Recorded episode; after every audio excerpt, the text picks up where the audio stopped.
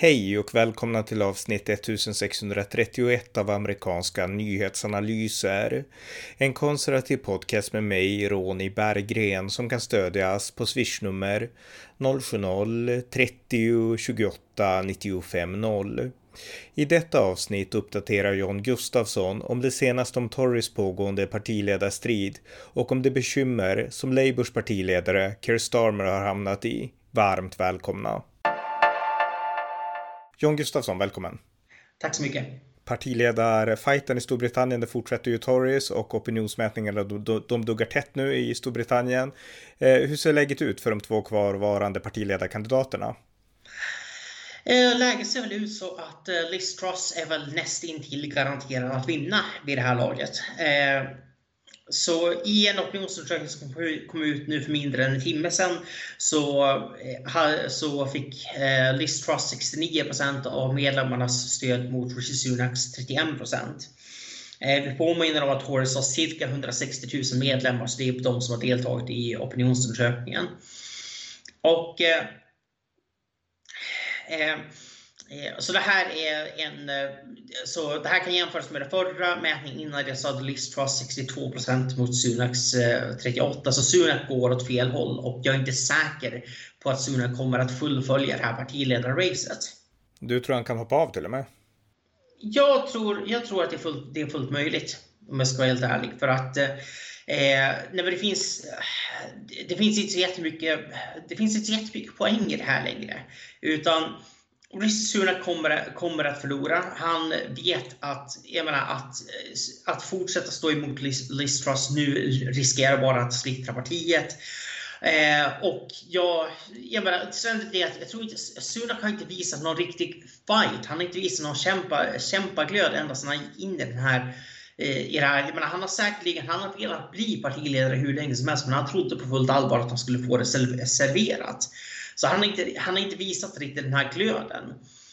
Mm. Och jag menar, hans budskap har ju varit uteslutande det här med att ja, vi, måste vi måste balansera budgeten, vi måste vara ansvarsfulla och liksom inga, eh, inga ofinansierade skattesänkningar och så vidare. Det är, liksom, det är ett väldigt, väldigt tråkigt budskap. Det är ingenting Eh, man kan också fundera på eh, vad som är bäst för Sunaks karriär vid det här laget. För eh, han kommer inte att bli finansminister igen, så hans karriär kommer att ta ett steg tillbaka. Liz Truss kommer inte eh, eh, tillsätta honom som finansminister. Möjligen kan han få någon lägre minister, ministerposition, men men han, han kommer inte att fortsätta som, som finansminister. Det, det, finns, det finns inte på kartan. Eh, då är frågan, är det bäst för honom för framtiden att eh, om han fullföljer det här loppet och sedan för, och förlorar med jag menar, 75 av rösterna mot 25, vilket jag tror är fullt, fullt rimligt vid det här laget. Eh, är det bättre eller är det bättre att dra sig ur och så att säga vänta, vänta, på, nästa, vänta på nästa möjlighet? För då, då slipper man i alla fall den här förlorarstämpeln. Att, så, Eh, vi ska påminna oss om att det här har hänt, det här har hänt förr. När Theresa May blev vald så, eh, så var det ju de två sista kandidaterna var ju Theresa May och Andrea Leadsom. Där Leadsom insåg att nej, hon, har, hon har ingen chans här så hon drog, hon drog sig ur. Eh, och lät Torypartiet gå vidare så snabbt som möjligt. Och eh, jag var kritisk till Ledsoms beslut då och eh, jag tror fortfarande att Ledsom hade varit mycket bättre partiledare än Theresa May. Men, eh, men jag menar, det är lite den mentaliteten som finns i Tories att man, man gör inte, man ska inte kampanja och få fänga. Har man ingen fans, ja då, då, då drar man sig ur och så låter man partiet gå vidare. I synnerhet när klockan tickar. Jag mm. menar, det är inte så, jag menar, man kan tycka att jag menar, två, två två och ett halvt år som det är kvar till nästa val. Det är mycket tid, men det är många, många kriser som, som man måste ta sig igenom på den tiden för att realistiskt kunna slå Labour i nästa val. Ja, och partiledaren måste hinna bli varm i skorna sådär också liksom. Precis, precis. Det är det, det, är jag är inne på. Mm. Eh, ja, men det här gläder mig för att jag stöder Liz Truss. Jag har läst på, jag har gjort det sedan tidigare också, men jag har läst på om henne och jag stöder henne. Hon verkar vara suverän på utrikespolitik och eh, hon är helt klart i mitt tycke att föredra framför Rishi Sunak. Ja, men där, där, är vi helt, där är vi helt överens. Och, eh, Eh, kan, jag också, kan jag också nämna att eh, på frågan om vem du skulle helst vilja se, alltså nu pratar vi om när alla britter inte bara Tory-medlemmar, eh, utan eh, vanliga väljare får frågan om vilken, vilken person skulle du föredra som, eh, som premiärminister? Eh, och, eh, och alternativen är, är Liz Truss eh, mot Keir Starmer, alltså Labours partiledare, eh, så är det nu fler som vill ha Liz Truss. Och det är en väldigt, väldigt menar, skarp, eh, skarp förändring. Hon låg långt under för bara en, två månader sedan. Så Nej, men Truss kampanj, även trots att hon inte är den mest polishade politikern på något vis, har hon ändå haft en smart kampanj och ett smart, eh, smart budskap. Mm. Eh, om vi går vidare, alltså hur har själva partiet Tories opinionsläge förändrats i förhållande till Labour då och ja, de andra partierna? Jo, eh, det var den andra stora bomben som kom, eh, som kom ikväll. Så, eh, så enligt opinionsundersökningen från YouGov så alltså, eh, skiljer det nu bara 1% mellan partierna där Labour är på 35% och eh, Tories på 34%. Och eh, det här är en stor förändring nu på, på alltså mindre, mindre än två veckor. Så, så i, mät, i mätningen från, eh, eh från 22 juli så skiljer det 7% mellan partierna till Labours fördel. Så det, det, innebär alltså, om jag får bara slänga in tolkning här då, att eh, eh folk inte läst, de var less på Boris Johnson men de är inte less på Tories? Ja, så, jag menar, Tories politik var, bety var betydligt mer, mer populär än, än Boris Johnson mot slutet. Så eh, det var inte alltid så. Jag menar, 2019 så var Johnson definitivt, jag menar, då var han ett, en, eh, ett, ett Eh, nej, men då, då var det ett flöte för, för partiet. Då var, han, eh, då, då var han mer populär än sitt parti. Och många som inte gillade Tories röstade, röstade på dem ändå för att de gillade Boris Johnson. Nu det senaste halvåret så har det varit precis tvärtom. Mm. Och eh, Boris Johnson också eh, jag menar, de ständiga, liksom, ständiga skandalerna har också gjort att Tories har inte kunnat prata sakpolitik. Så eh, så nej, men det, nej, men det verkar som att, eh, nej, men det verkar som att väljarna ändå ser, eh, ser liksom en brytning, en ny start eh, i Liz Truss jämfört med, eh, jämfört med, det, med det, det tidigare. Och det har väl också att göra med att Liz Truss i synnerhet har ett annorlunda budskap än Boris Johnson. Hon må säga att det är samma valmanifest men hon har ett mycket mer tydligt höger, höger budskap. Hon har mycket, mycket tydligare planer för hur, eh, hur man ska hantera eh, levnadskostnadskrisen. Det, eh, ja, men det, det, det är en annan tydlighet här. Mm. Det går inte att komma ifrån. Men tror du att det här kommer att hålla i sig då? Eller bör någon smekmånad alltså för Tories då på grund av att man nu liksom byter partiledare och man kanske får, ja, allmänheten kanske känner förhoppningar som kanske inte håller i sig? Ja, det, eh, när, om jag ska göra en cop-out här så är det det återstår att se. Men Eh, det finns väl några eh, variabler här. Det ena det är hur bra kommer det fortsätta gå för Liberal Democrats och Green Party? För de ligger rätt högt nu i opinion. Det är alltså två av de mindre partierna. Liberal Democrats på 13% Green Party på 7 eh, Så mycket brukar de inte få när det faktiskt är val. Så eh, det, det, återstår, väl, det återstår väl att se. Eh, vi ska också, ska också nämna att det kom en annan mätning igår där det skilde 4 eh, mellan partierna, men det var också ner från 10% i den förra mätningen från det eh, institutet. Så trenden är väldigt tydlig i alla fall. Men det som eh, det jag kan säga som är oroväckande det är ju dels eh, Eh, jag menar, uppvärmningskostnaderna nu i vinter är den stora frågan och hur väl, man lyckas, hur väl man lyckas hantera det. Inflationen är fortfarande på väg uppåt. I Storbritannien har inte sett det sista av det. Så eh, nej, alltså, det, här kommer bli, det här kommer bli en väldigt jobbig vinter. Och det är inte bara i Storbritannien det kommer bli det. Men eh, men det här kommer bli, eh, det här, det här kommer bli, det här kommer bli drygt. Så jag menar, det skulle inte alls förvåna mig om se Tories siffror eh, gå, ner, gå ner över vintern. Men det jag hoppas det är att om man kan komma upp eh, så att säga nu i augusti, september, september komma upp i samma, alltså i jäm, jäms, i, i Jämnt. blir jämnt, jämnstora med Labour. Så även om man tappar några procent över vintern så är det inte så katastrofalt att man inte, eh, man inte kan ta igen det senare. Just det. Mm. Eh, Okej, okay. om vi går vidare då till den stora, du nämnde tidigare de gröna och Liberal Democrats, men den stora oppositionen det kommer ju såklart från Labour, Arbetarpartiet, Socialdemokraterna och de leds av Keir Starmer, heter deras partiledare. Och eh, ja, de hade väl förhoppningar om att verkligen kunna slå Tories, men nu har Keir Starmer fått sin egen hu huvudvärk. Vad handlar det om? Ja, han har faktiskt fått två, två olika huvudvärkar och en av dem skrev jag om i, eh, i min artikel idag i The Dispatch som handlade om eh, hur Liz Truss, eh, om hon spelar sina kort rätt, skulle kunna bli en, eh, ja, skulle kunna bli en ny Margaret Thatcher helt enkelt. Det det handlar om det är att det pågår eh, ett flertal strejker i Storbritannien och eh, fler strejker är på väg nu under augusti månad. Eh, så här långt så är det räls, räls och tågarbetare som, som, som strejkar.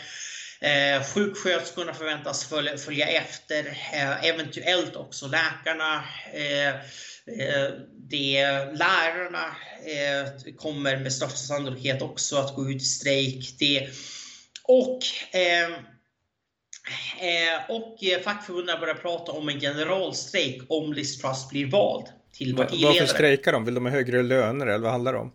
Ja, det handlar om högre löner. Mm. Eh, nej men alltså, inflationen som sagt den är nästan 10% i Storbritannien. Och eh, eh, Eh, det är förståeligt att anställda vill ha 10% löneförhöjning. Men om staten går med på att ge 10-procentiga löneförhöjningar eller mer till den, till den offentliga sektorn så måste den privata sektorn följa efter och då leder det bara till att det blir en inflationsspiral för att högre eh, Högre löner leder till högre om, omkostnader vilket leder till högre priser vilket leder till ännu hög, högre löner och så vidare. och så vidare.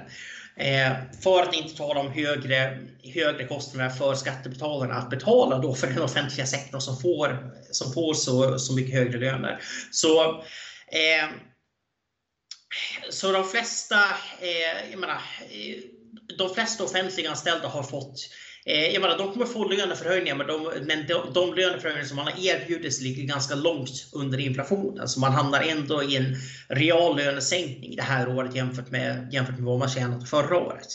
Mm. Och eh, jag menar, det här är väldigt tråkigt och det här är det, det som är det jobbiga med inflation. Det är verkligen, eh, det är verkligen som eh, jag tror Milton Friedman brukar, brukar beskriva, beskriva som en hemlig skatt. Att det det, det, äter upp, eh, det äter upp ens, ens löne, lönecheckarna fast från, fast från det andra hållet. När man spenderar dem istället för, för när man tar ut dem. Som vanliga skatter gör. Mm. Så, så det, här är, det här är ett väldigt tråkigt läge men eh, generalstrejk är definitivt inte lösningen på det här. Och eh, så det som, eh, det som Liz Truss har föreslagit i alla fall, hon föreslog ett antal arbetsmarknadsreformer. Eh, och det är det som nu gör att fackföreningsrörelsen hotar med generalstrejk. Och eh, så den första det är att för att en strejk ska utlysas så måste över 50% av en fackförenings medlemmar rösta för att strejka. Det här kan låta ganska logiskt. Att det, du måste ha majoritetsstöd i en, fackförening innan liksom eh, innan, innan man går ut i strejk. Men så är inte lagen i Storbritannien idag, utan du behöver bara 40% av medlemmarna måste rösta för en strejk för att strejken ska, ska ta vid. Okej. Okay. Mm. Eh, så eh, det är så att eh, inför varje strejk så hålls en omröstning bland medlemmarna.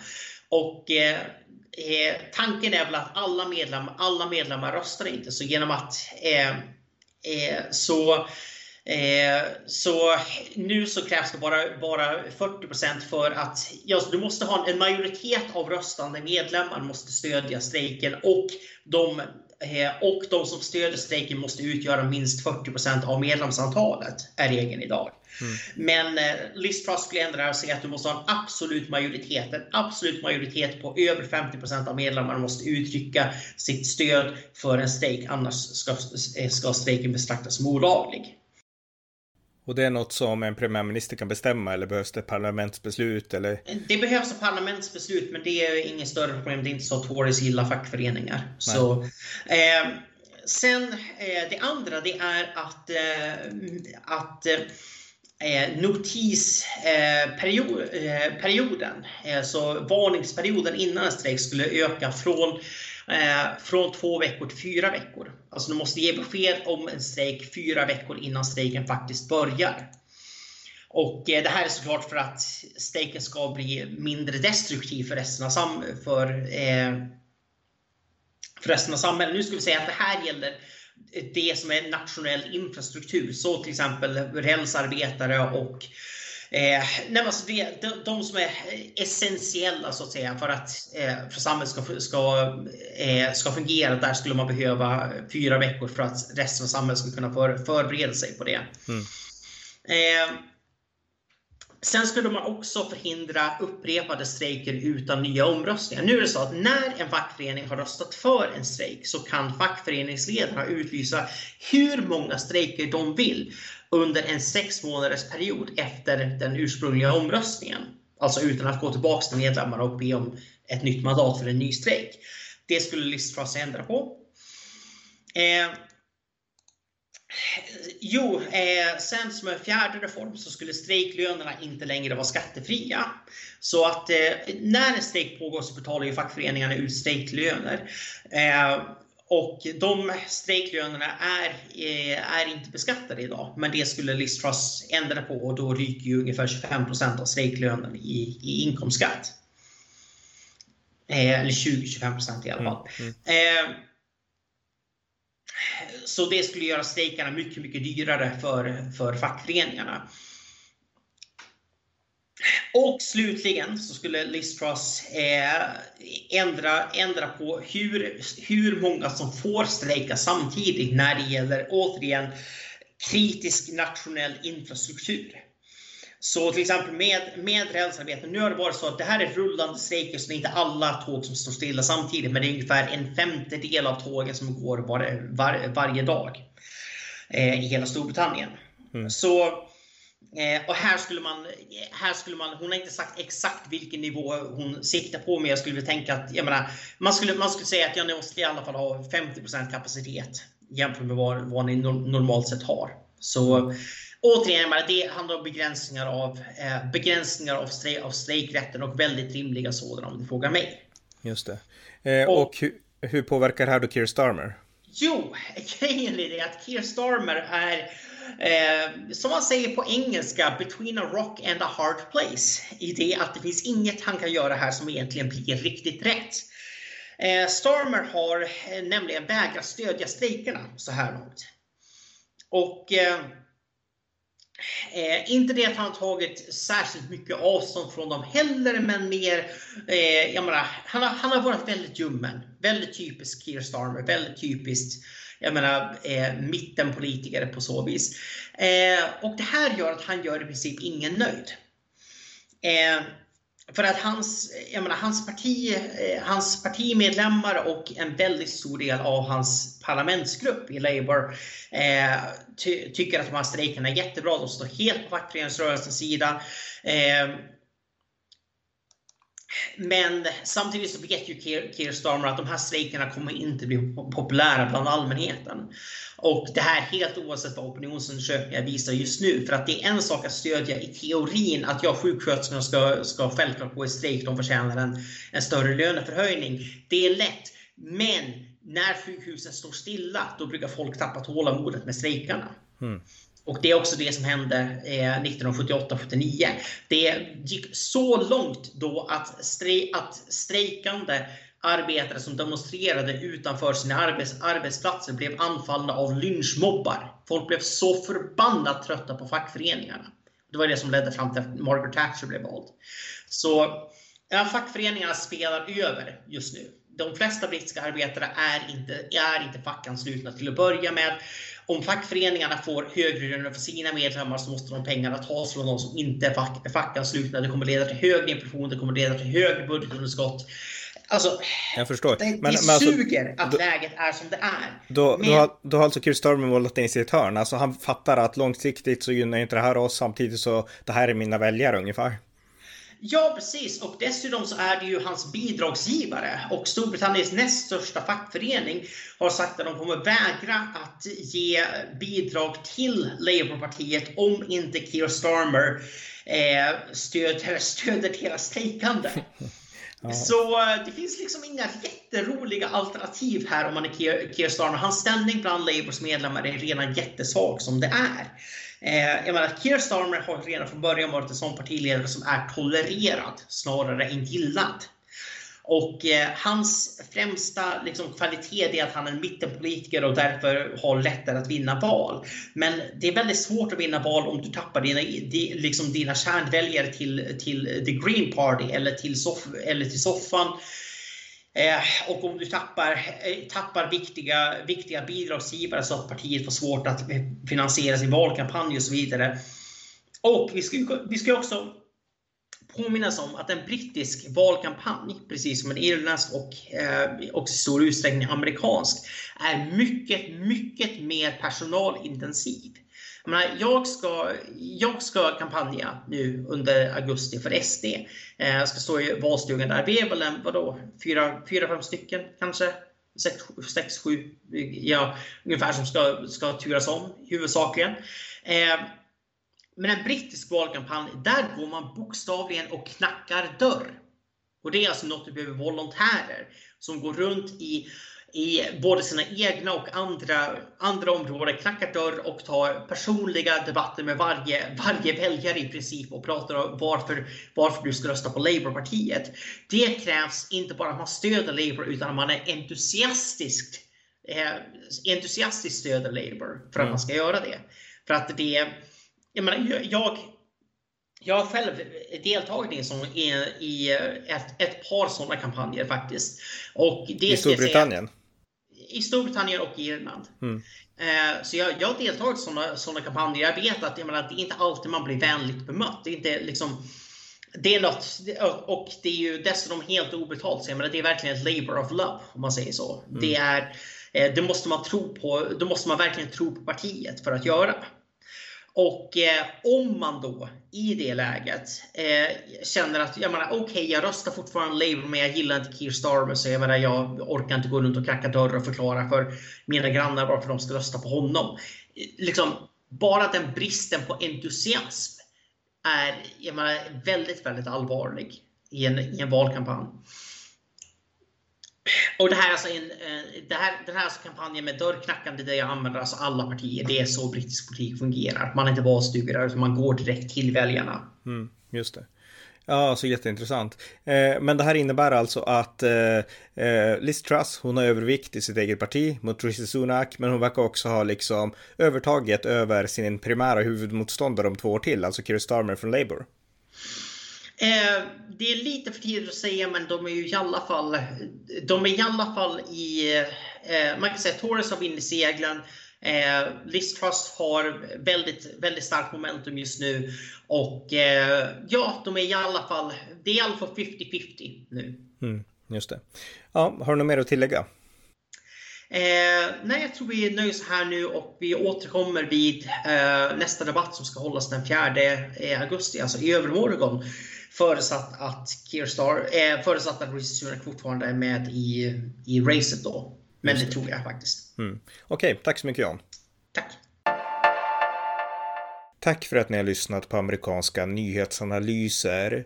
En konservativ podcast som kan stödjas på swishnummer 070-30 28 95 0 eller via hemsidan usapool.blogspot.com på Paypal, Patreon eller bankkonto. Jag vill även mana er till att fortsätta stödja valfri Ukraina-hjälp med gåva. Det var allt för idag. Återigen, tack för att ni har lyssnat.